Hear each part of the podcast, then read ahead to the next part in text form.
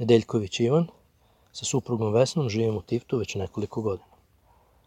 Pretpostavljam da delimo ista ili gotovo ista razmišljanja kao i većina ljudi u ovoj situaciji. Dane provodimo tako što šetamo, spremamo jela, čitamo. Ja plus planinarim i plivam svaki dan. Čujemo se češće sa prijateljima i rodbinom, što je jedna od dobrih stvari u ovoj situaciji.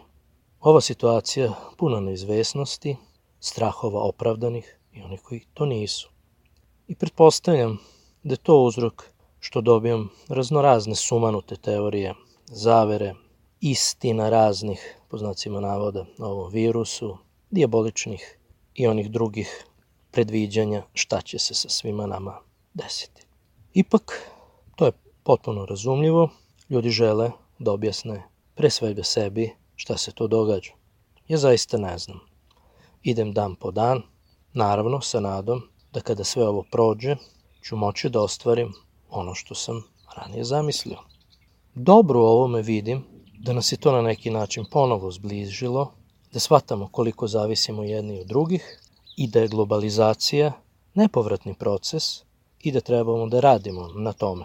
Ne verujem obećanjima raznih manipulanata, pogotovo desničarskih populista, kojih je sve više. Prirodno je da ljudi žele brza i jednostavna rešenja u ovako teškim i komplikovanim situacijama. Naravno da imaju puno pravo i da optužuju liberalni kapitalizam zbog ove krize, zbog velikih socijalnih razlika, korupcije koja je najveći malignitet svih društava danas. Ali opet, poverovati ljudima kao što je Donald Trump, koji živi u svom binarnom sistemu vrednosti, je podjednako sumanuto. Jer on koji obećava radničkoj klasi da ih razume je više nego licemerno.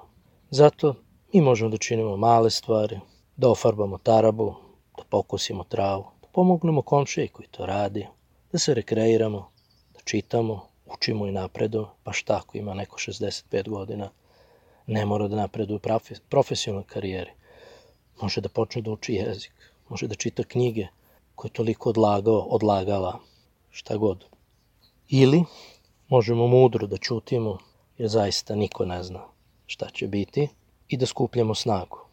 Možda to najbolje ilustruje kada u boksu neko je sateran u ćošak i prima udarce dok se protivnik ne umori, a onda kada oseti u pravom trenutku krene u kontranapad.